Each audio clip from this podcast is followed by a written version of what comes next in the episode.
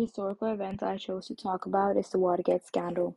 The scandal was a major political misconduct in the United States involving the administration of the US President Richard Nixon from 1972 to 1974.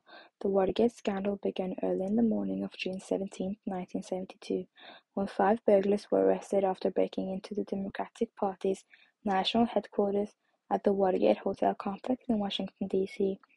Within a few days of their arrest at the Watergate, charges of burglary and wiretapping were brought against the five. This was no ordinary robbery. The prowlers were connected to President Nixon's re-election campaign, and they had been caught wiretapping phones and stealing documents. Nixon and his aides steadfastly denied that anyone in the administration had been involved. Despite persistent press reports on the contrary, in November 1972, Nixon was easily re-elected.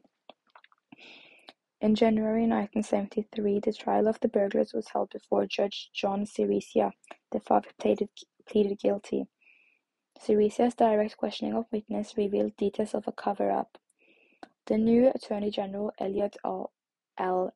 Arch Richardson, appointed Archibald Cox as a special prosecutor.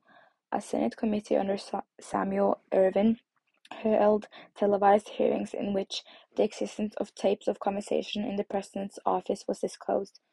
Cox, Cox and Ervin subpoenaed the tapes, but Nixon refused to relinquish them and ordered Cox fired October 20, 1973.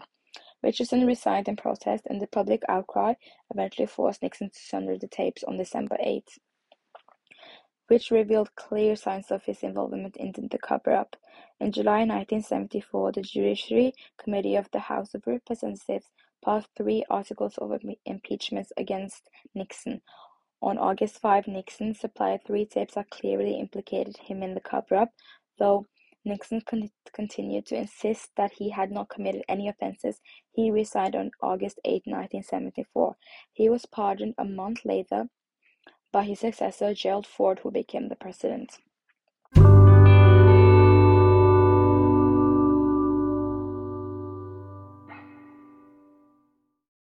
Decade of my choice is the 80s because the 1980s were a time of great pop culture, including some of the best movies, music, TV shows, and toys of all time.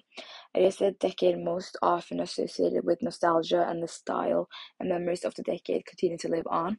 So, therefore, I would like to live in the 1980s.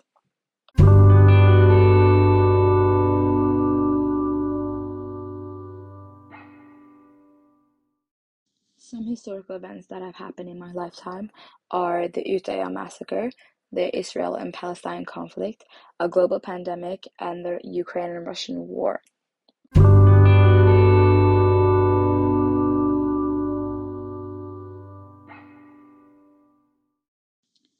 What I liked uh, was that the movie told you about US historical events in a fun way. It was informative but not boring. Because of this, I think this movie is still relevant today and will be relevant for a long time.